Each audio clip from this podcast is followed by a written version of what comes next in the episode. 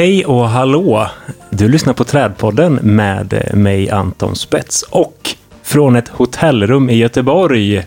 Gustav Näslander. Och vi sitter faktiskt bredvid varandra för Ja. första gången på länge. Det är så bra. Det är så bra. Halleluja. Ja, verkligen. Jag tycker ändå att det är ganska bra ljud på de här hotellens rum. Ja, ja. Trevligt. Ja, Ja. Mycket stoppning i väggarna, höll jag på att säga. Men, Värst. Det är inte så snygg väggfärg i och för sig, men annars är det ju helt okej. och så den här fantastiska utsikten då. Jag, Ja. har, jag har ett fönster, men, men tittar tyvärr ut i en galleria. Vi får komma in på det lite senare tror jag. Nej, det är lite tråkigt. Nej, men så kul att se dig igen. Det är något annat att spela in på samma location. Det är samma Anton. Ja, ja. Allt bra sen sist. Jo, men det är bra. Jag har faktiskt varit en hel del i Göteborg på sistone. Jag har faktiskt varit på Nordens största bostadsrättsförening. Kan du gissa vad den heter? Kanske ändå. Ja, för det kanske. Är det BRF Masthugget? Oh, Ja. Det var inte så svårt. Nej, det är rejält stort är det. det Jag har inga siffror, men det är jättestort. Eh, det, jag tror att det är sådana här områden så att även om man bor i Göteborg så besöker man inte där. Det är liksom, man genar inte där igenom. Det stannar inga spårvagnar där. Det finns liksom ingen anledning att, att, att vara där uppe. Okej. Eh, och där uppe ser jag, för det är verkligen som, det är där uppe. Det är som ett fort. Liksom. Eh, och, och sen är gårdarna, många av gårdarna är på bjälklag och vissa, det är ändå berg och sådär. Det är Göteborg. Så. Jag pratade ändå i telefon med dig när du gick där. Du var andfådd. Ja, precis. Jag, jag var, eh, vill de döda en skåning, tror jag de sa någonting om. Att det, det, eh, där jag bor är det ju alldeles, alldeles platt och sen kommer man plötsligt till ett ställe där det är fantastiskt branta backar. Och så här, det är inte så, här kommer en trapp. Nej, här kommer en trapp till ett jävla buddhisttempel med 20 000 steg. Det är den nivån det är på. Liksom. Dit upp ska jag snart. Eh, Men nåväl.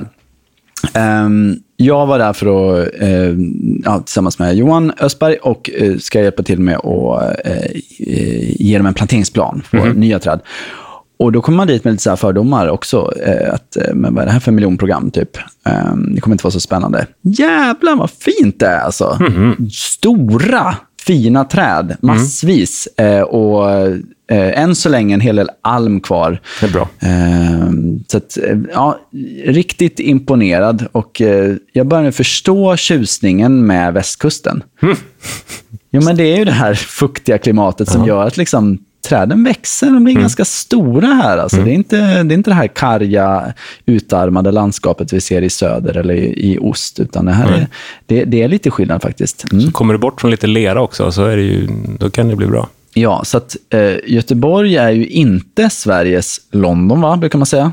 Eller? Är det, brukar man säga. Ja, precis. Nej, Göteborg det är Sveriges British Columbia. Mm. Då vill jag lägga till en sak. Borås Det är Sveriges Portland. Oh, yes! Ja, det är skitbra.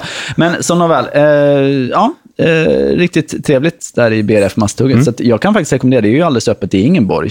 Ta en promenad där om ni är i krokarna och titta, titta in området. Sätt Faktiskt. på eh, Dendro-glasögonen. Ja, verkligen. Mm. Mm. Sj- Sjukt snygga hängalmar. Ja, verkligen. En paraply, precis. De här klassiska paraplyarmarna. Och sen en hel del, väldigt fascinerande, det här är ju byggt på, eh, ja, vad sa vi, 70-talet tror jag, tidigt 70-tal. Eh, mycket så upphöjda växtbäddar. Är ett träd i en växtbädd som är typ eh, fyra gånger fyra meter. That's it liksom. Eh, och träden bara, "Nu- är det verkligen så på bristningsgränsen. Det är inte så att träden står och dör, utan Nej. tvärtom. De håller på att spränga växtbäddarna. Liksom. Ja, det var så häftigt att se också. Ja. Jätteroligt. Kul. Men eh, ja, själv då?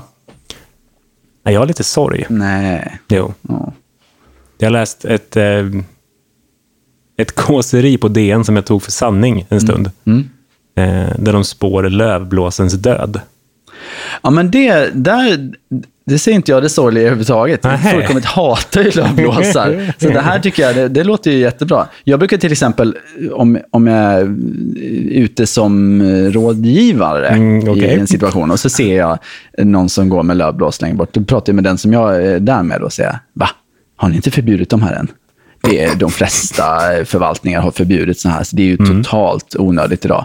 Det, och det vet man ju, har man vetat om länge, liksom, att det, det är inte effektivare än att kratta och, och dessutom går det åt massor med energi till det här. Eh, så att fullständigt onödigt, absolut. Mm. Jag skulle säga att det beror på vad man använder den till.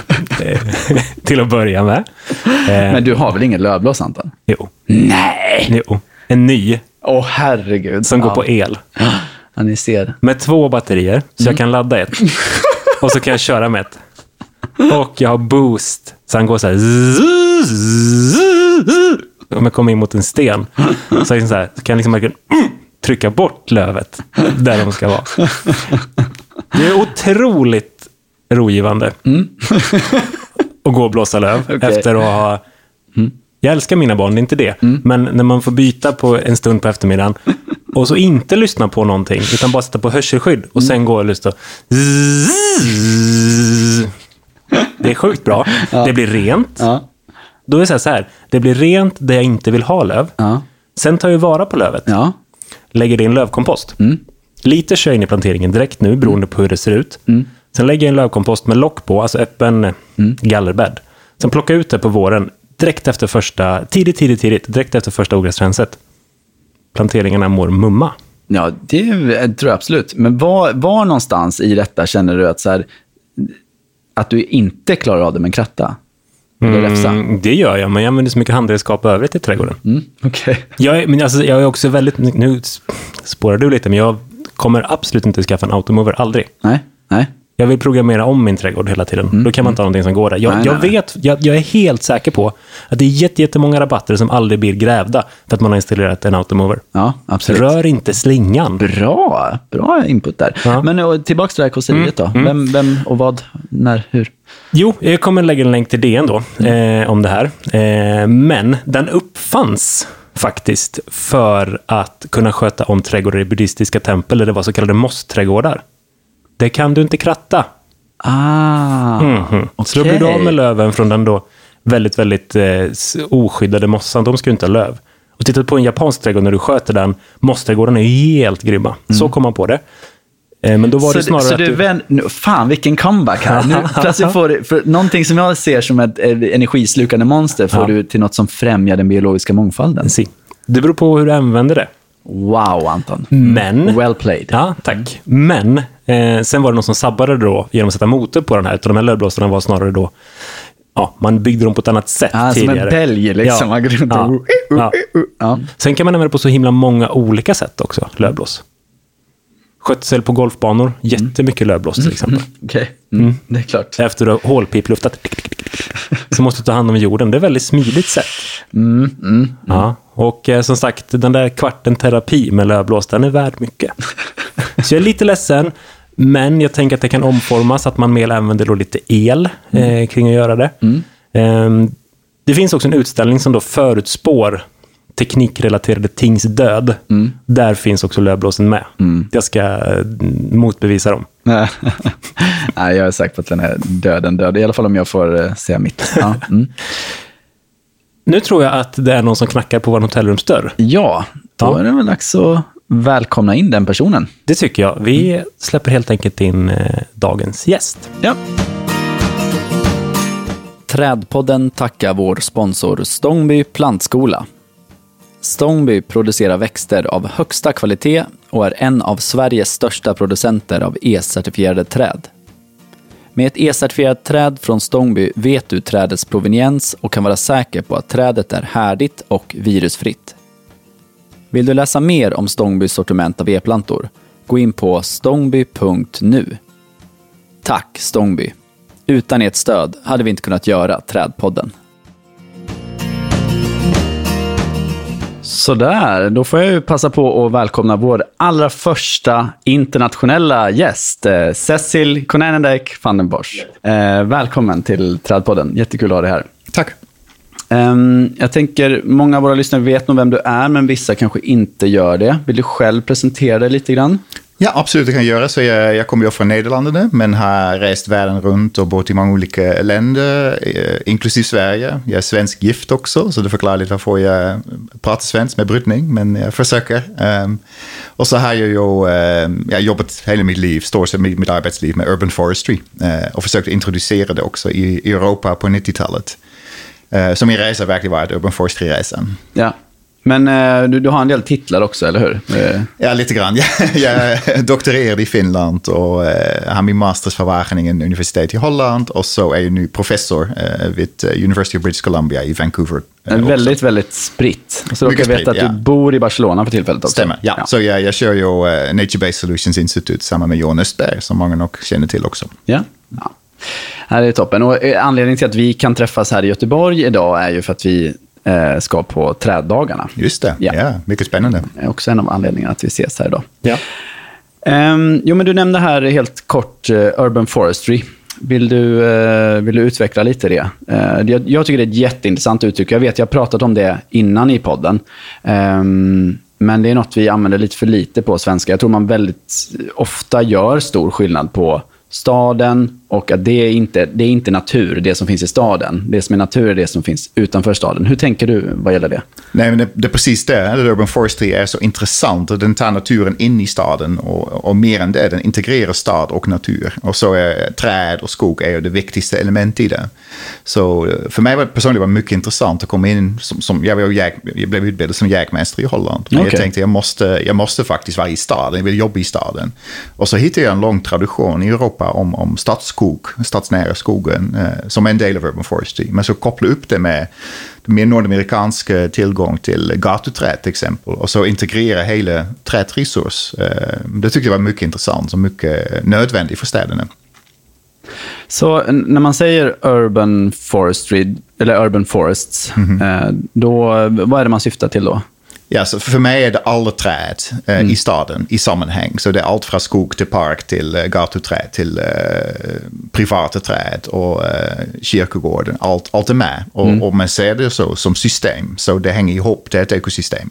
Eh, och faktiskt är det ett socialekologiskt system. Det hänger ju ihop också med befolkningen som är med i det. Så, Ja. så för mig är det verkligen hela resursen. Så jag ser staden som en skog på ett sätt. Ja, ja, det, det är fantastiskt tycker jag. Ja, men jag. Jag gillar verkligen det tankesättet. Jag vet inte hur ni jobbar i Borås, Anton. Är det, eh, använder du den typen av uttryck när du, när du eh, liksom förklarar värdet av, av träd i staden? Eh, Allt mer tror jag skulle jag säga. Eh, Det är verkligen också beroende på vilken storlek på stad, i alla fall i Sverige, som man numera kan applicera. Vi har det ganska lätt att applicera det i Borås. Men det är väldigt mycket hur en topografi ser ut. Vi har väldigt mycket insprängd natur som hade blivit byggd, för det går inte, för det är berg. Så vill man bygga liksom i slättlandet ner mot vattendragen. Eh, Så det går absolut att se eh, där jag jobbar som en stadsskog, absolut. Ja. Men eh, ja, om vi backar bandet lite grann. Hur kommer det sig att du är, du är en av de liksom främsta inom trädfrågor, faktiskt internationellt idag? Hur kommer det sig att du har hamnat där du har hamnat? Det är faktiskt en jättebra fråga. På engelska har man ett ordspråk som säger i the, i the land of the blind, the one-eyed is king. Så där jag började så, så var det faktiskt inte så många som jobbade med det här. Eh, och var man jägmästare eller blev utbildad som jägmästare så var man inte intresserad i staden. Så skulle man gärna eh, jobba ute i naturen, ute i det stora skog.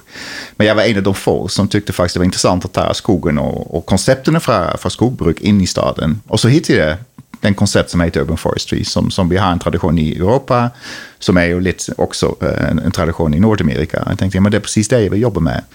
Och så kunde jag ju komma upp ganska snabbt som expert, men det fanns inte så många. Så, så det var rätt så lätt på det sättet. Och jag gillar resa och, och, och nätverk och så. Så det var lätt att, att bygga ett nätverk samman med kollegor, till exempel i, i Danmark, där vi började sätta igång eh, nordiskt nätverk på Urban Forestry. Och när, när började du använda det här uttrycket, urban forestry? Så det var nog på ja, slutet av 80-talet, tidiga 90-talet. Då började vi verkligen använda konceptet och jag skrev mitt, eh, mitt PhD om det. Eh, Det var mitt på 90-talet jag disputerade på den. Och där blev Urban Forestry, då kom det verkligen lite in i diskussionen bland landskapsarkitekter, bland skogsfolk i Europa. Men det var mest faktiskt i de nordiska länderna, så var det Danmark, Sverige, Finland som var först där. Ja. Ja, vad roligt. Men hur, skulle, hur ser resan ut från mitten på 90-talet till idag? Då? Vad, eh, alltså, vad gäller uttrycket urban forest och hur, man, ja, hur vi generellt ser på, på träd i, i, i våra städer. Ser du en stor skillnad? Mycket, ja. Eh, Så det är 25, nästan 30 år nu jag har jobbat med det här. Det har varit en, en, en fantastisk resa tycker jag. Så där jag disputerade på det här så var det två person i hela Europa som gjorde det. Det var Lisa Turfanen i Finland och jag. Idag är det ju många, många som håller på med det. Inte bara i Europa, men åker man till Kina till exempel så kan man ju hitta eh, 400-500 människor som kallar sig urban forestry-experter. Mm och så vet vi såklart, eh, det är mer uppmärksamhet omkring eh, träd i staden och naturen i staden med nature-based solutions och grön infrastruktur och klimatanpassning och så. Så jag tror det är mycket mer fokus på det. Och inte minst hälsa också. Mm. Så, och vi vet så mycket mer också. Det tror jag också är en brobyggande effekt man ska fortsätta jobba med. Nu återigen, mina glasögon är ju kommunal förvaltning. Ehm, men för parkförvaltning så bör du dels räcka ut en hand mot, mot gatusidan, mot torg, torgbiten, eh, men också mot skogen. Så man hamnar ju mitt i där, du måste binda upp båda sakerna. Du kan inte vända ryggen åt ett eller annat håll, för då funkar det inte. Och det, det är faktiskt ofattbart viktigt det här, man bygger bro som urban forester. Så vi har ju haft den, som du säger, tendensen att vi skulle vara parkfolk, eh, trädfolk, skogsfolk. Men nu ska vi jobba ihop, och som landskapsarkitekter som också är med i det, mm. såklart. Ja. Ja, du, nu har du nämnt de här uttrycken ekosystemtjänster och klimatanpassning. Eh, och vad ska man säga, det som eh, förkroppsligar eller sammanknyter alla de här uttrycken, det är ju, det är ju ditt nya koncept, eller vad man ska kalla det, som du kläckte här för några år sedan. Det vi kallar 330-300. När, när började du med, när kläckte du först den här idén? Om säger så? Ganska nyss faktiskt. Så ja. jag, jag, kom med idén, jag tror februari i år. Och, och, du vet, som akademiker är jag alltid mycket försiktig med, det är ofta folk ringer från hela världen, kommuner ringer och säger Cecil, uh, hur mycket canopy cover ska vi ha? Är, mm. det, är det 30%, 40%? Eller hur, hur långt ska vi gå till nästa park? Och jag har alltid sagt, nej det beror på var man är i mm. världen. Och det är forskning som säger det, forskning som säger det. Men så kommer jag också ut på ett tidspunkt och tänkte att vi måste vara lite mer klart och tydligt i vårt budskap. Och vi, vi vet ju nog nu, vi vet, vi kan faktiskt säga 300 meter är en bra gräns till nästa park. Um, vi vet 30 canopy är jättebra för uh, klimattillpassning och hälsa. Och vi vet man måste se naturen från sitt, sitt fönster. Mm. Så jag tänkte, okej, okay, så börjar jag paketera det. Uh, och, och, ni kanske vet också om, om Frank Santamores 10, 10 20, 30. Absolut. Uh, ja. Och det är såklart, det blir ju enklare, så tydliga siffror så får det ju en genomslagskraft också. Absolut. Ja, just det. Och jag testade lite med lite kommunikationsfolk som jag kände till. Så vad tänker ni? Så, ja, men jag vet, forskningen vet vi inget om, men 330-300, det är bara, det låter ju perfekt. Det är som en låt. Alla kommer ihåg det där. Ja. Men eh, ja, nu är det dags. Du får förklara konceptet här för våra lyssnare. Ja, just det. Så, mm. så idén med 330-300 är, eh, bakgrunden till det är att man måste ha träd omkring sig för att vara eh, i bra hälsa. Mm. också klimataspekter, så man måste ha nedkylning av, av sitt, sitt boligkvarter till exempel. Och så vet vi det, 300 meter till närmaste stadsgrönska, en bra park eller en bra grönområde. Det, det är något hvor man kom, åker till så rätt så ofta. Är det mm. mer än 300 meter så åker man inte så ofta. Så 300 meter, kanske 500 meter, det är en viktig gräns där. Mm. Uh, och det kan man se på folks hälsa. Så det är mycket forskning som visar, är det, är det mer än 300 meter så har man en, en sämre hälsa. Um, ehm, 30% canopy, den är något som uh, folk har tittat på och säger att vi måste ha 30-40% vill man verkligen ha en, en nedkylningseffekt mm. på uh, boligkvarter. Och så har vi också sett uh, forskning från Australien speciellt, var uh, mental hälsa förbättras väsentligt när man går upp över 30%. Okay. Så, så de två är rätt så starka i forskningen. Uh, och jag kan verkligen stå för det. Så, okay, kanske 30, 35, men det är något där vi måste mm. ligga. Mm. Uh, och så träd, det är ju lite mer subjektivt. Mm. Uh, men vi vet från, från forskning nu, man säger det synliga grönska, så the visible green. Mm. Det är en ofattbart stor in, impact på vår mental hälsa, på vår kreativitet, på vår koncentrationsämne och så.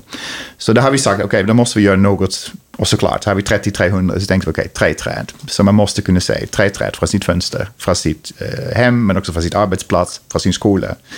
Eh, som, som en slags symbol på synliga grönska. Då kommer vi in på lite sån här nagelskådning, lite finliret här. Då. Men vad, vad, får du ju definiera trädet där då. Hur, hur, stort ska ett träd vara för att få räknas? Ja, så i 330-300, jag skriver ju, jag säger att det måste vara för en, för en ordentlig storlek. Så mm. det måste vara ett träd som, som har någon volym, någon, någon ja, jag, jag definierar inte, säger inte det fem meter, tio meter hög eller så, men det måste vara ett, ett, ett träd. Ja. Skulle ja. man kunna säga ett etablerat träd? Ja, det kunde man säga. På svenska är det faktiskt en bra sätt att säga det på. Mm. Så ja, ett etablerat träd som, som, verkligen tar sin plats. Precis, så inte ja. de här små formträden, toppimpad. Helst inte, nej. helst inte. Nej. Men, men det är ju bättre än ingenting. Ja, det, men säg, träd är ingenting, men, men man kunde säga grönt. Det kan vara en, en, eh, någon växter eller så. Det kan också vara jättebra.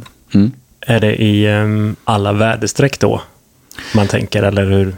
Ja, just det. Så, vi vet ju för träd, träd i, i många del av världen har de en stor impact. Men, men vi ska inte bara prata om träd såklart. Så jag säger också att 30% canopy, det kan också vara en annan slags av, av uh, växtlighet. Mm. Till exempel är man i öknen i Saudiarabien så kan man ju inte ha 30 träd, det är omöjligt. Mm. Det, det, är inte bäreduktigt och så. Så, så, så, så säger man så, okej, okay, men det kan det vara någon annan slags vegetation.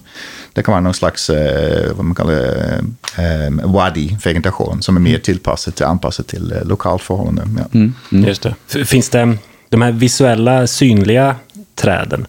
bör man också kunna så att säga samspela med dem? Eller räcker det att se dem, men du kanske, de kanske blir på en, eh, per definition, en urban ö. Du har en eh, stor trafikled på ena sidan och en flod på andra. Just det. Är ja. de tillgängliga då, eller ska man kunna liksom verkligen nyttja dem? Ja, helst såklart. Men, men idén lite med 3300 och det är lite, lite förnulighet. Så, så gör man alla tre så har man träd omkring sig. Så, och helst ska man ju såklart kunna, kunna, kunna röra vid dem, men, men bara kunna se dem. Och så har man 30% canopy så är det en stor sannolikhet synlighet där man har dem omkring sig. Och så 300 meter till nästa park också. Så, men, men såklart, ja, det var optimalt. Men vi vet faktiskt att se naturen, se träd, det är en viktig del, en viktig grej, en ting för sig själv. Ja. Vi har samtalat här nu en stund och, vi pekar på det här fönstret hela tiden. Men det är ingenting här såklart.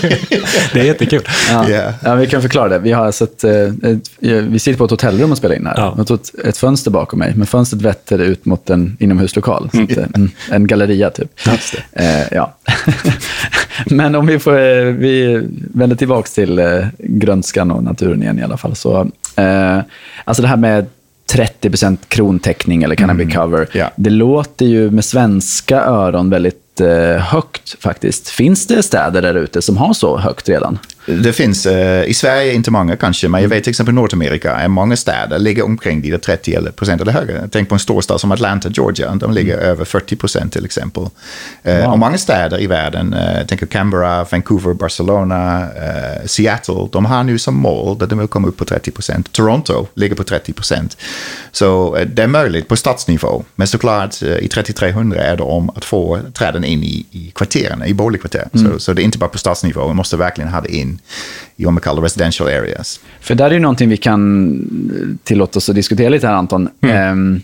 I Sverige såklart har vi ju klimatmässiga utmaningar. Det är lite kallare här. Det är lite svårare att etablera träd och få dem att bli riktigt stora i stadsklimat kontra till exempel Barcelona där man mer eller mindre kan stoppa ner ett litet träd och, och knäppa med fingrarna, sen växer det två meter per år. Mm. Um, såklart finns det en skillnad där, men jag tror också att det finns en skillnad i inställning här. Alltså eh, att vi, många vad ska man säga, lekmän kan nog tycka att men så mycket träd kan man väl inte ha? Så stora träd kan man väl inte ha? De blir väl på tok för stora. Det, så här kan det inte se ut. Alltså den, den typen av mentalitet. Så det, det är frågan hur man ska eh, få in det här eh, tänket och få in, förklara varför, varför det är vettigt. Liksom. För som sagt, med svenska mått mätt tror jag man, man, eh, man ser det här som en extrem Ja, ja, ja.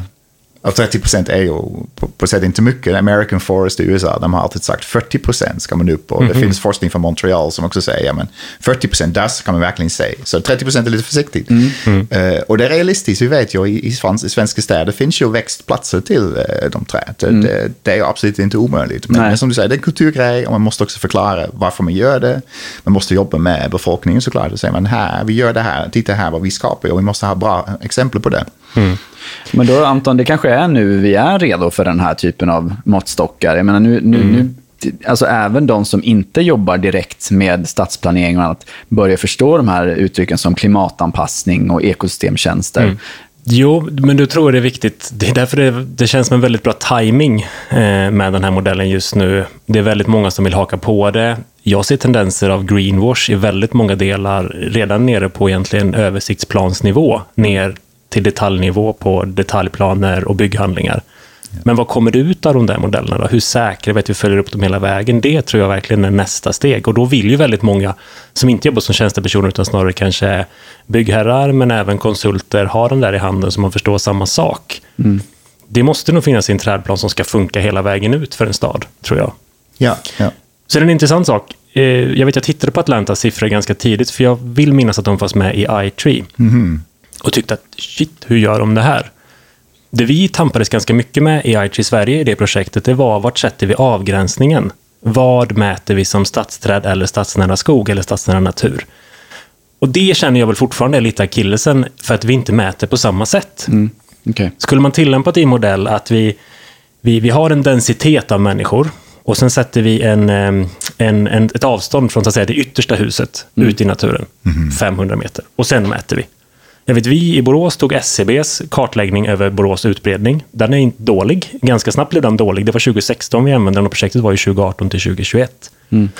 Eh, finns det några tankar kring det? Hur man sätter avgränsningen för vad man mäter? För risken är att du angränsar till 600-700 hektar naturreservat in i en mm. stad. Mm. Bra eller dåligt för siffran? Ja, nej, men absolut. Men det kan man säga i Barcelona också. Så, så de har ju Colserola Park som ligger mitt i Barcelona som tar halvdel av, av canopy cover stort sett. Så mm. resten av staden kanske 15 procent. Eh, så absolut. Och jag tror, som du säger, man måste fokusera, lägga fokus på, på den riktigt urbana delen av staden. Och säga, men här måste vi faktiskt komma upp på, på 30 procent. Mm. Och där ligger utmaningen. Ja. Det är inte så svårt att göra det i periferin. Så. Nej.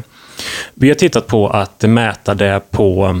Eh, vi, vi, har ju väldigt mycket data på våra medborgare i städerna. Var har vi hög densitet på boende? Var har vi lucktomter? Det är ju lite du har tittat på nu på senaste projekt, Gustav, där du kan trycka in mer träd i en befintligt kvarter. Mm. Men det kan man göra väldigt, med väldigt, väldigt god hjälp av geodata och mm. planera, men då kanske du snarare nere på eh, någon större yta än kvartersyta ungefär. Mm, ja. Ja, det, det, det, kan vara okej. Okay, ja. men använder det här verkligen som en slags uh, inspiration eller en mm. slags rättningslinje. Som du säger, det kan också vara något man använder till, uh, till developers och så. Mm. Politikerna inte minst. Men det är ju ett minimumkrav också. Alltså, det, mm. det, är också kvalitetskrav som ligger i det. Så ja. jag pratar också om high quality green spaces. Ja. Så det är inte bara något grönska vad folk så säger, okej, okay, men det här vill vi heller inte ha i våra kvarter. Ja. För det kan ju också vara ett steg in sen när man ska värdera träd. Eh, det här kontra det här. Mm. Där kan jag ju känna att det finns en ganska stor brist idag i de verktygen vi har. Vi, vi har Adamsmodellen, absolut. Men eh, vi behöver kanske också värdera ett mindre utvecklat träd ännu mer för det växer på exakt den här platsen nära ett jättetätt befolkat område. Absolut, ja. Kontra en 400 år gammal ek. Nej, då kanske faktiskt det blir prio på det här relativt unga utvecklade trädet med tanke på hur mycket människor det försörjer. Mm. De diskussionerna saknar jag faktiskt lite. Ja, absolut, det är ni. Men pratar på engelska också om, om working trees, alltså de träd som faktiskt gör mycket på grund av uh, ja, det effekt de har, mm. potentiella effekt de har. Som du säger, det kan vara ett, ett litet träd som har mycket mer impact mm. på det sättet. Ja. Mm. Um, nu har vi gått igenom uh, de tre träden man ska se från fönstret och uh, den 30% canopy cover som är uh, tillrådigt här. Då. Eh, och sen har vi då siffran 300. Och det är ju avståndet man... Ja, man ska inte ha mer avstånd än 300 meter till Precis. närmsta park eller grönområde. Um, ska vi börja med att definiera vad den här parken, hur måste den se ut? Ja, alltså, jag säger i alla fall att det ska vara offentlig grönska, så det ska vara ett ställe där folk kan komma in, så det är mm. ingen begränsningar på det. Och det ska vara, jag säger inte en park, men det ska vara ett, ett område man kan använda, till, som man ska använda till, eh, till olika eh, former för äh, användelse, mm. äh, funktioner. Det kan vara olika former av rekreation, naturupplevelser, det kan vara klimataspekter och så, så det ska vara multifunktionellt också. Mm. Det behöver inte vara stort, så det kan vara, jag har skrivit en hektar, men det kan vara kanske en halv hektar. Eller det kan vara en, en slags uh, grön uh, gatumiljö som, mm. som har mm. lite extra plats till träd. Och så var folk faktiskt kan slå sig ner det finns bänkar. Som vi har i Barcelona ganska ofta. Så, så mm. vi ska tänka lite utanför det traditionella parkkonceptet tycker jag. Det kan vara ett litet skog, uh, tiny forest eller vad det är. Ja. Och det här uttrycket är ju underbart. Eh, ytterligare sådana här uttryck som vi inte har riktigt på svenska, där, tiny forest. Kan du inte utveckla det också? Just det, ja, tiny forest är ju en, en ny grej som har kommit. De säger att vi vill gärna ha skogsfunktioner eh, in i staden, även om det inte finns plats till riktigt. Mm.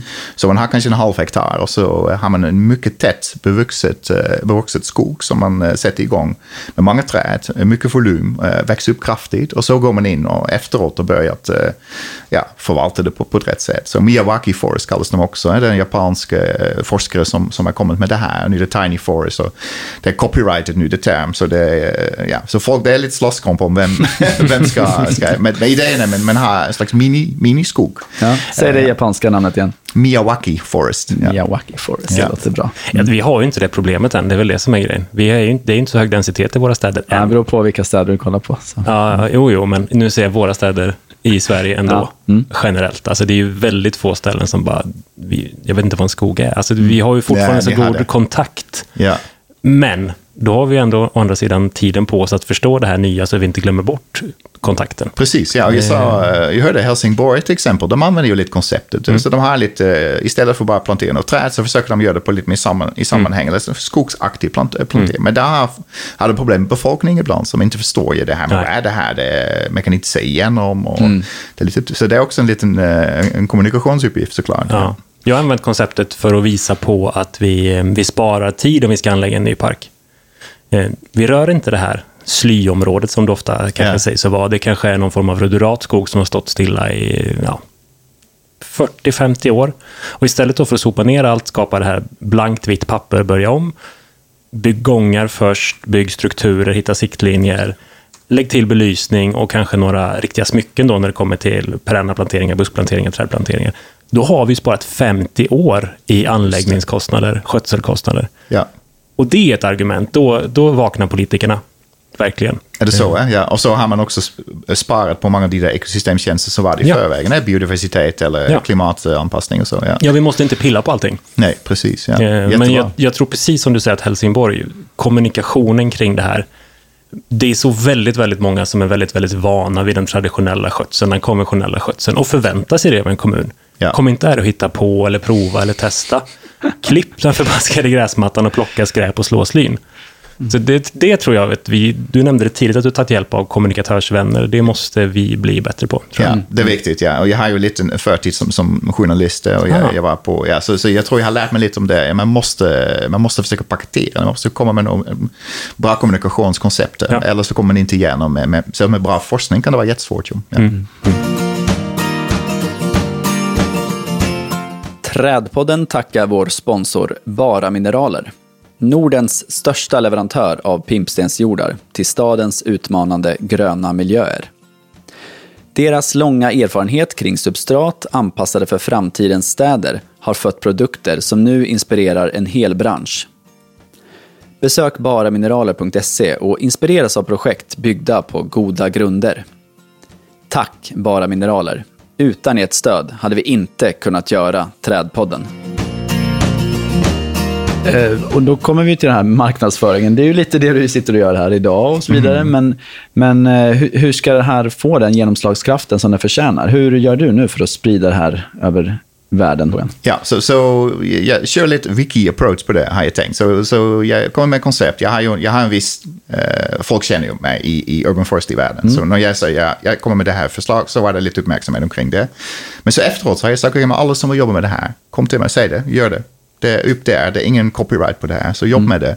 Och så är det många nu som har börjat med forskning. Eh, Greenpeace Spanien som tog det som koncept. Det är städer i hela världen som har börjat använda det. Politiska partier som har sagt vi, vi använder det här. Mm. Så det kommer allt lite tillsammans nu på ett sätt. Så, eh, och det tycker jag är roligt. Så det blir en slags bottom-up approach. Så jag har sagt något och det är forskning bakom det och jag försöker hitta bättre och bättre forskning såklart. Och och så får vi se. Eh, kommer vi till att få några bra exempel hur man implementerar det här? Vad är det tufft? Vad är det inte är tufft?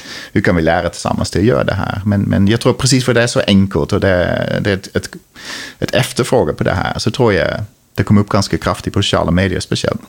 Kan du redan nu avslöja någon, någon best practice, någon stad som har börjat eh, eh, implementera det här? Ja, jag vet till exempel uh, District of Saanich på Vancouver Island i uh, British Columbia, Kanada. Så de har lagt det ut som, som princip och de fick in, uh, de röstade om det i, i City Council och så och tog mm. upp det. Och, och, de, ville verkligen, de har inte haft någon urban forestry-strategi nu, de använder det här för att styra. Och de har ju mycket, lite som vissa svenska städer, de har mycket skog, mm. men de är igång med att bygga till. Ja. Det ska ha många, och så hur kan man just göra det på ett sätt som man fortfarande har kvalitet tillbaka. Mm. Och så säger man, okej, okay, 3300 kanske var en bra styrningsredskap där.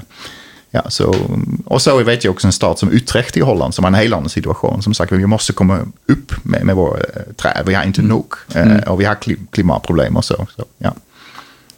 Um, för, för där är ju frågan, det är ju en, en sak att nå oss som jobbar med urban forestry. Det är ju, det är ju en baggis, tänker jag. Eller så här, alla vi tycker att det här är jättebra. Eh, men sen ska ju vi ta den här idén vidare till de som faktiskt beslutar och de som, eh, ja, politikerna och mm. beslutsfattarna helt enkelt. Hur, hur når vi makthavarna med den här eh, informationen skulle jag vilja säga? Ja, alltså jag tror det roliga, eh, på, på grund av den, den enkelheten i det och det är så kommunikativt så är det faktiskt hänt redan. Så jag, var, jag har varit på en, utan att veta det så blev, min, blev jag nämnd på nationalradio i Holland till exempel. Så ja, men det finns en expert någonstans i världen som har sagt det här. Och det är många nu som säger det är en urban planning uh, guideline. Så om man, man googlar det så kan man hitta, ja men det här är en känd begrepp i urban planning. Och jag var på ett tidspunkt hörde jag från någon som var inne i någon datorspel. Uh, var man byggde till någon som SimCity-aktigt. Och mm. då hade de faktiskt integrerat 330-300. Som, som, så det satt en kille som, som gjorde som live dataspel. Men ja, nu måste vi komma ihåg att vi har den där 33-300-regler som vi ska ta med oss. Så det kommer lite, det blir lite organiskt på ett sätt, lite viral. Ja. Vi har gjort workshops på, i Minecraft på nya stadsdelar i Borås. Precis, ja. Det, då, hade vi inte, då fanns inte den regeln. Nej, men, ja. men jag skulle säga att 300 ligger ju i Boverkets norm också. Ja. Eh, för, mm. i, I svensk praxis för att tillgång till rekreativa ytor. Just det. Ja, och Världens hälsoorganisation samma sak. Ja. Så de har också så det här är verkligen väl etablerat, säga. Ja, ja. ja. Eh, och, och, det känns ju verkligen som att eh, det väldigt, väldigt ofta är görbart. Eh, problemet ibland när man kommer med nya revolutionerande modeller som man precis inom skråt tycker är bra, mm. då kan man också hitta väldigt snabbt tio saker som de absolut gått på tvärsen emot. Men jag tycker inte att den här modellen riktigt gör det, utan den blir, den blir väldigt enkel att förstå och det är också att de här siffrorna är inte plockade ur luften på något vis. Precis, ja. Nej, så är det. Och jag vet, det fanns en studie som kollade på de 300 meter regler i tre städer i Europa. Och jag tror 80 mm. eller 85 procent av befolkningen hade redan tillgång innanför ja. 300 meter. Så ja. det är inte så svårt. Jag tror det svåra är 30 procent uh, canopy. Absolut. Där tror jag utmaningen ligger. Ja. Det, jag håller med. Mm. Men jag uh, ser verkligen framför mig en, eh, en utopisk men härlig framtid där någon ringer in, en boende ringer in till, eh, till eh, staden och kommunen och säger ursäkta mig, nu, jag bor på eh, Glasgatan 86 och jag kan bara räkna till två träd här utanför. Ni måste genast åtgärda det här. Det... Ja, men det är faktiskt roligt. Det är Green... närmare än vad du tror. Just det. Greenpeace gjorde ju det i Spanien. De, de, lanserade, de tog ju det här och tog det som deras egen regel mm. på ett sätt. Och så hade de en stor eh, omfråga. Jag tror 5000 människor eh, svarade på deras eh, fråga. Jag tror 56 procent kunde säga tre träd. Så mm. aldrig, folk gick verkligen till deras fönster och kollade hur många träd kan jag säga. Och det var lite roligt. Ja. jo, men du behöver ju komma ner till den basic-nivån för att engagera. Jag tror det, ja. ja. Om man kunde göra det varje år och säga okej, okay, hur många träd kan vi säga nu är det träd som är borta. Så utifrån folks eh, dagligs, eh, dagliga mm. upplevning. Ja. Och bara en sån sak, att få medborgare att sätta press på, på, på det förvaltande systemet, det är ju väldigt ofta det mest lyckade. Ja, absolut. Eh, ja. Det är ju så tydligt. Det har du absolut rätt i, ja. ja. Trädpodden tackar vår sponsor Mareld Landskapsarkitekter Nordens främsta landskapsarkitektkontor och förstahandsval för kunder med högsta ambition vad gäller gestaltad livsmiljö. Är du nyfiken på Marelds många olika tjänster och projekt? Gå in på www.mareldlandskap.se Tack Mareld Landskapsarkitekter! Utan ert stöd hade vi inte kunnat göra Trädpodden. Vet du någon stad som redan nu har börjat skruva på de här siffrorna och tolka om det? Eh, och men alltså, det började lite, så, så det, en del småstäder i England till exempel. Jag mm. blev kontaktad av några arborister där som säger att vi, vi håller faktiskt på med det här. Och vi har faktiskt börjat lite så smått, men eh, folk som har börjat skriva in i deras förvaltningsplaner, eh, mm. Utrecht eh, som jag sa, eh, stad, i stad nära Vancouver som håller på. Så de börjar lite med det. Mm. Och jag vet intresse också för storstäder, Bryssel och Oslo och så, men de är lite försiktiga. De mm. vill först säga vad konsekvenserna är av det här. Men och såklart är det viktigt att vi har bra monitoreringsredskap. Och då har mm. vi ju med geospatial tools som vi har idag. Det är mycket lättare. Ja. Uh, så tre träd med, med Google Street View så kunde man ju uh, göra ganska mycket redan med det. Ja. ja. Uh, och vad är trenden då?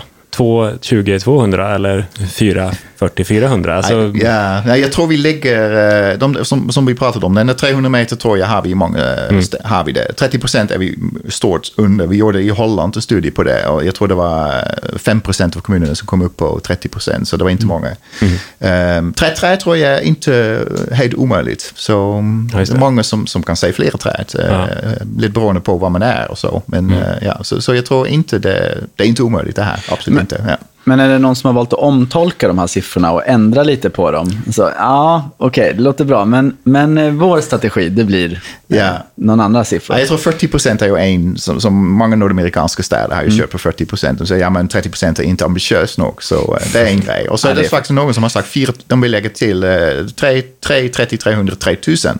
Och de säger vi ska ha 3000 kvadratmeter natur, eh, som är lite vildare natur i, eh, i boligkvarter. Det var lite intressant också. Så folk börjar verkligen så putsa, ja, som du säger, justera lite på det. Och, men det är ju också idéer med det, där man får en diskussion och folk engagerar sig i det. Ja.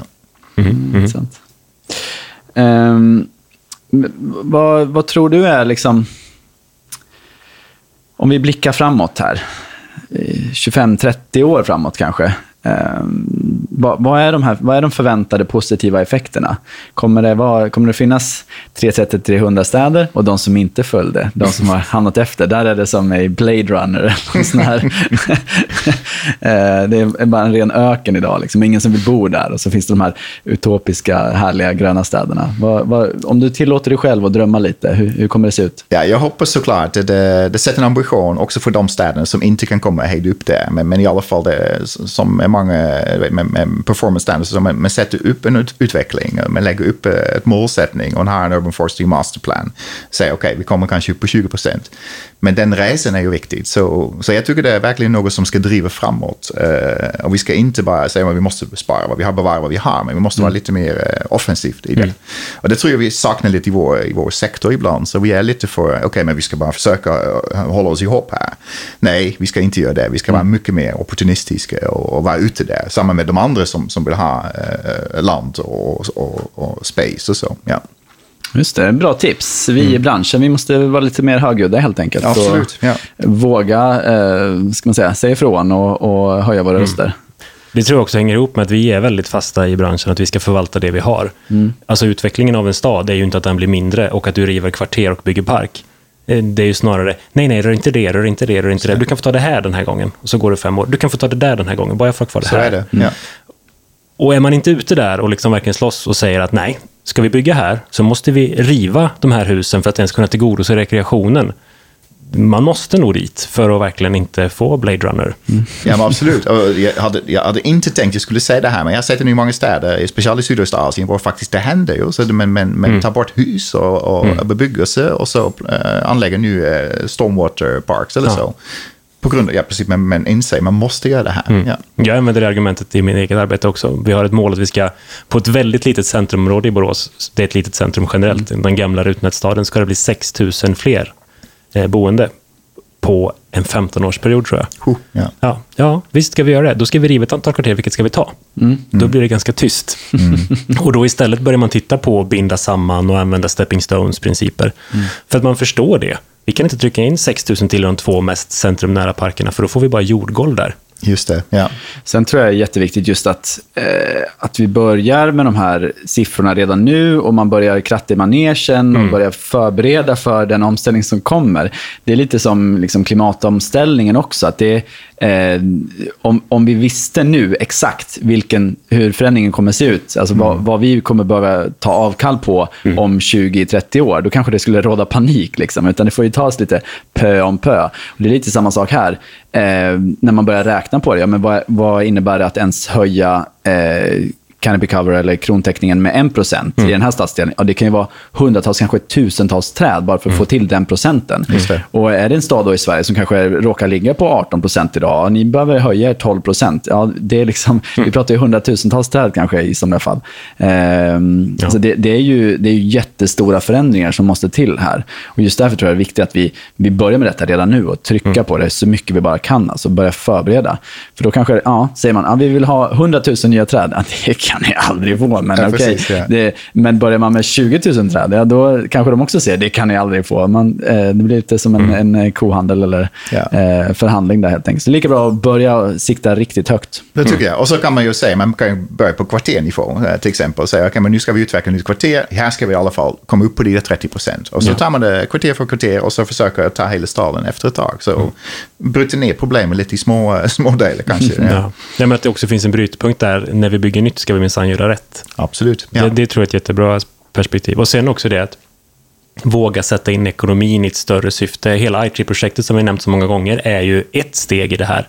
Men bara en sån sak att jämföra eh, pengar som en stad tjänar på såld mark kontra pengar som en stad tjänar på helt andra sätt på att inte sälja mark och istället Mm. öka den rekreativa värdena. Den ekonomiska kalkylen måste vi bli mycket, mycket duktigare på att redovisa. Så att man förstår vad det är man har också. Ja. Eh, och inte bara sälja av pengar in. För, för det är ju väldigt ofta så att allmän plats, eh, park, natur eller också kanske även torg, stora torg, är så otroligt lågt värderade i Sveriges system idag för exploatering. Ja, Så att lägger du en detaljplan och lägger allmän plats, så dyker de siffrorna på de Ja. kvadratmetrarna. Och jag tror problemet har varit att vi inte har haft ekonomiska redskap för att göra det på bra sätt. Men Nej. nu kan vi ju det. I Holland gör de det. Så de har en, fantastiskt bra system nu där de verkligen värderar mm. grönområden på mycket högre sätt. Ja. Så, ja. Och det tror jag vi måste till också i Sverige. Ja, för vi har inte platsbristen. Det är ett lyxproblem än, men vänder vi inte Ja. på det nu så har vi inte tjänat någonting på det heller. jag tror inte det. Ja. Ja. Ja, men det är väldigt tydligt. Vi måste jobba interdisciplinärt. Helt Alltså klart, att, ja. eh, eh, Vi jobbar över enhetsgränserna här och, och möts. Och, och, eh, ja. Ja. Ehm, men när vi ändå är inne på det, då, en farhåga man får när det är så här enkla siffror och sådär, det är ju det här greenwashing. Att, att en politiker som bara har två år kvar på sin mandatperiod säger men jag lovar det här. Eh, och för att visa att jag menar allvar så kommer vi redan i år plantera eh, tusen nya träd. Men det är egentligen själva verket någon liten pinne de sätter som inte har några som helst förutsättningar att ta sig och bli det här stora trädet. Ehm, vad skulle du säga för att försvara där? Liksom att, ehm, hur ska vi undvika att hamna i de eh, greenwashing-fällorna också? Ja, precis. Nej, men det, det är precis med, med ställa kvalitetskrav. Så, så Mm. eh, var med som, som, som, eh, som de experter vi är såklart och styra upp i det och säga men klart, det är bra att plantera träd men det betyder att man måste ha mångfald, man måste ha kvalitet, bla, bla, bla, och så kommer man tillbaka efter ett par år. Mm. Och såklart ska man koppla upp det på förvaltningsdelen så man måste säkra sig. Eh, plantering måste alltid hänga ihop med, med skötseln i framtiden och hur man ser på det 30, eh, 50 år, 100 år i, i framtiden. Mm. Och det tror jag är vår, uppgift. Reglerna är klart och tydligt och jag, jag jätteglad att folk pratar om det som urban planning-regler. Det är perfekt, så är det i en annan disciplin redan. Ja. Eh, Men så är det vårt ansvar, tycker jag. Vi går in och säkrar oss kvalitet. Mm. Och det är, så, det är ju provocerande ibland att prata om de långa tidsperspektiven. Man bara, ja, ni sitter och pratar om exploatering, ska vara klara om 20 år. Ja, kvaliteten på det som vi ska leverera, det är 75 år. Då snackar vi bra grejer. Så är det. Ja. Då stänger väldigt många av, märker jag. Eh, Eller, ja, du ska inte raljera så, men jag har ibland föreläst för um, pensionärsföreningar. Och det, det blir som kollision. Så, ja, men då måste man alltid ha med historiska bilder också. Då brukar man men när kommer det. vi få se det här? aldrig, aldrig. Men dina barnbarn kommer inte att säga det här. Så, ja, okej, ja, ja. ja. Ja, men kolorerade svartvita bilder lägger man in emellan. Så, åh, Ja, ja, ja. Historisk Just det. koppling. Nej, förlåt. förlåt. Det sjönk eh, medelåldern på vår lista. Ja, verkligen. Du raljerar ju som sagt. Ehm, jag tror att vi ska börja runda av där. Men, ja, men en sista fråga då. Det är ju det här. Hur ser din eh, utopiska stad ut? Du får fantisera fritt här. Och det kanske är en bra bit efter eh, våra generationer också. Liksom. Om vi ser hundra år framåt. Hur, hur, eh, hur ser en, en eh, hälsosam och bra stad ut? Ja, så, så, så jag tror verkligen att det ska vara en stad som är en helt annan slags stad än vi har idag. Så det är något var naturen är mycket mer med. Så jag kallar det bara om det är nature-based thinking. Så allt man gör i staden är faktiskt med natur med i det process. Eh, Och så tror jag också att arkitekturen ska förändras. Den ska vara helt annorlunda. Vi ska tänka på andra sätt att bo. eh. Och såklart, det ska träd ska vara överallt. Eh, Träd har varit med i vår historia som, som människor alltid. Vi har försökt att vända oss tillbaka från trädet, men så kom de, så har vi tagit dem in igen. Så, så jag tror det, det ska vara trädstäder, absolut skogsstäder. Så det tror jag på. Eh, gröna städer, där naturen är en, en, en, en helt naturlig del, en normal del av, av var- vardagen. Det ska inte vara något man ska leta efter naturen. Det ska vara det, alltid. Jättebra. Fint. Ja, ja, ja. Skriv under på det. ehm, och då kommer vi till de här eh, några småfrågorna som vi brukar avsluta med då, våra intervjuer. Eh, så först och främst, eh, du är ju en riktig eh, kosmopolit och har rest verkligen till, tror jag, jordens alla hörn. Eh, nu har du chansen att ge ett riktigt bra restips till våra lyssnare. Något som de inte har hört förut. Vad skulle du vilja Inte säga? då? hört förut. Oj, den var lite svår. Men jag vill säga, och många vet ju om det, med, British Columbia, stad i British Columbia, Victoria till exempel, eh, och Vancouver Scott också, med, med, bara på grund av de där ofattbart stora träd. Så man går där till en stad och så går man upp på en, en kvarter, en gatuhörn och så står det ett träd som är 80 meter hög. Douglas fir eller vad det är. Det är ofattbart. Så det växer och växer och växer. Man bor ju i ett, eh, i eh, rains, rainforest i princip. Och det tycker jag var ofattbart. Så den delen av bo i Vancouver, det, det älskade det. det mm. Trädet var verkligen dominant. Det var träd som faktiskt var viktiga människor på ett sätt. Så, så det skulle jag vara som tips. British Columbia om man har chansen. Ja, det, det tipset tar vi gärna emot. Mm. Ja, det är ju en dröm för mig att få se nordamerikanska västkusten mm. överhuvudtaget. Så det, det låter ju mm. kanon. Jag hoppas jag att, att vi får åka till en dag också och se de här giganterna som, mm. som eh, eh, ja, vad ska jag säga, är det, är det, är vilken bild har man där? Är det staden som tränger ut naturen eller är det naturen som tar tillbaks? Både och vill jag säga. Ja, det tar ju inte så mycket tid för en träd. Det blir ju stort där. Och mm. Man har ju stadspark där i, Vancouver, Victoria. Så ofattbart stora träd och mm. jättefina träd. Ett träd som faktiskt är ett park för sig själv på ett sätt. Mm. Så det är helt imponerande. Ja. Och bara använda bilder därifrån som referensbilder är jättekul. Jag har inte varit så mm. långt upp på västkusten, men jag brukar använda bilder från Monterey till exempel. Ja, just det. Ja, ja. Monterey-cypressen som är, ja, superfin. Ja. Då står han i en trädgård där jämte en sån riktig hockeymorsa-SUV. Mm. Den är ju två och en halv gånger bilens bredd.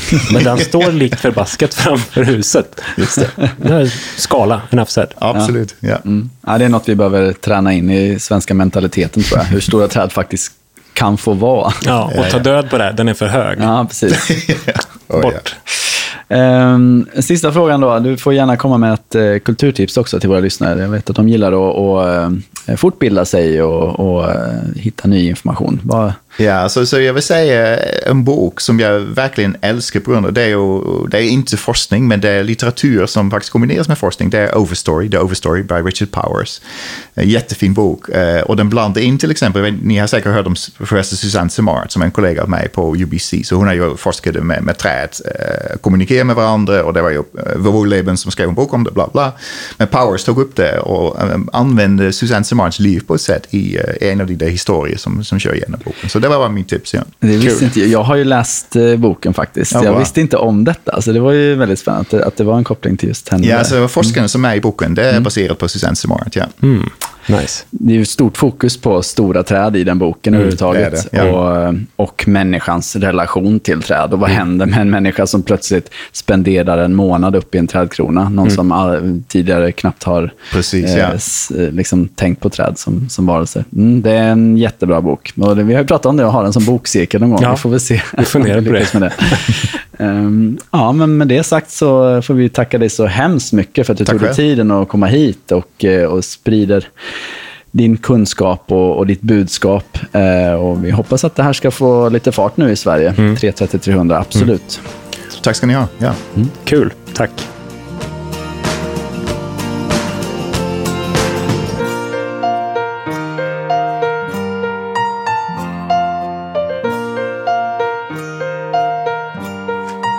It's a wrap!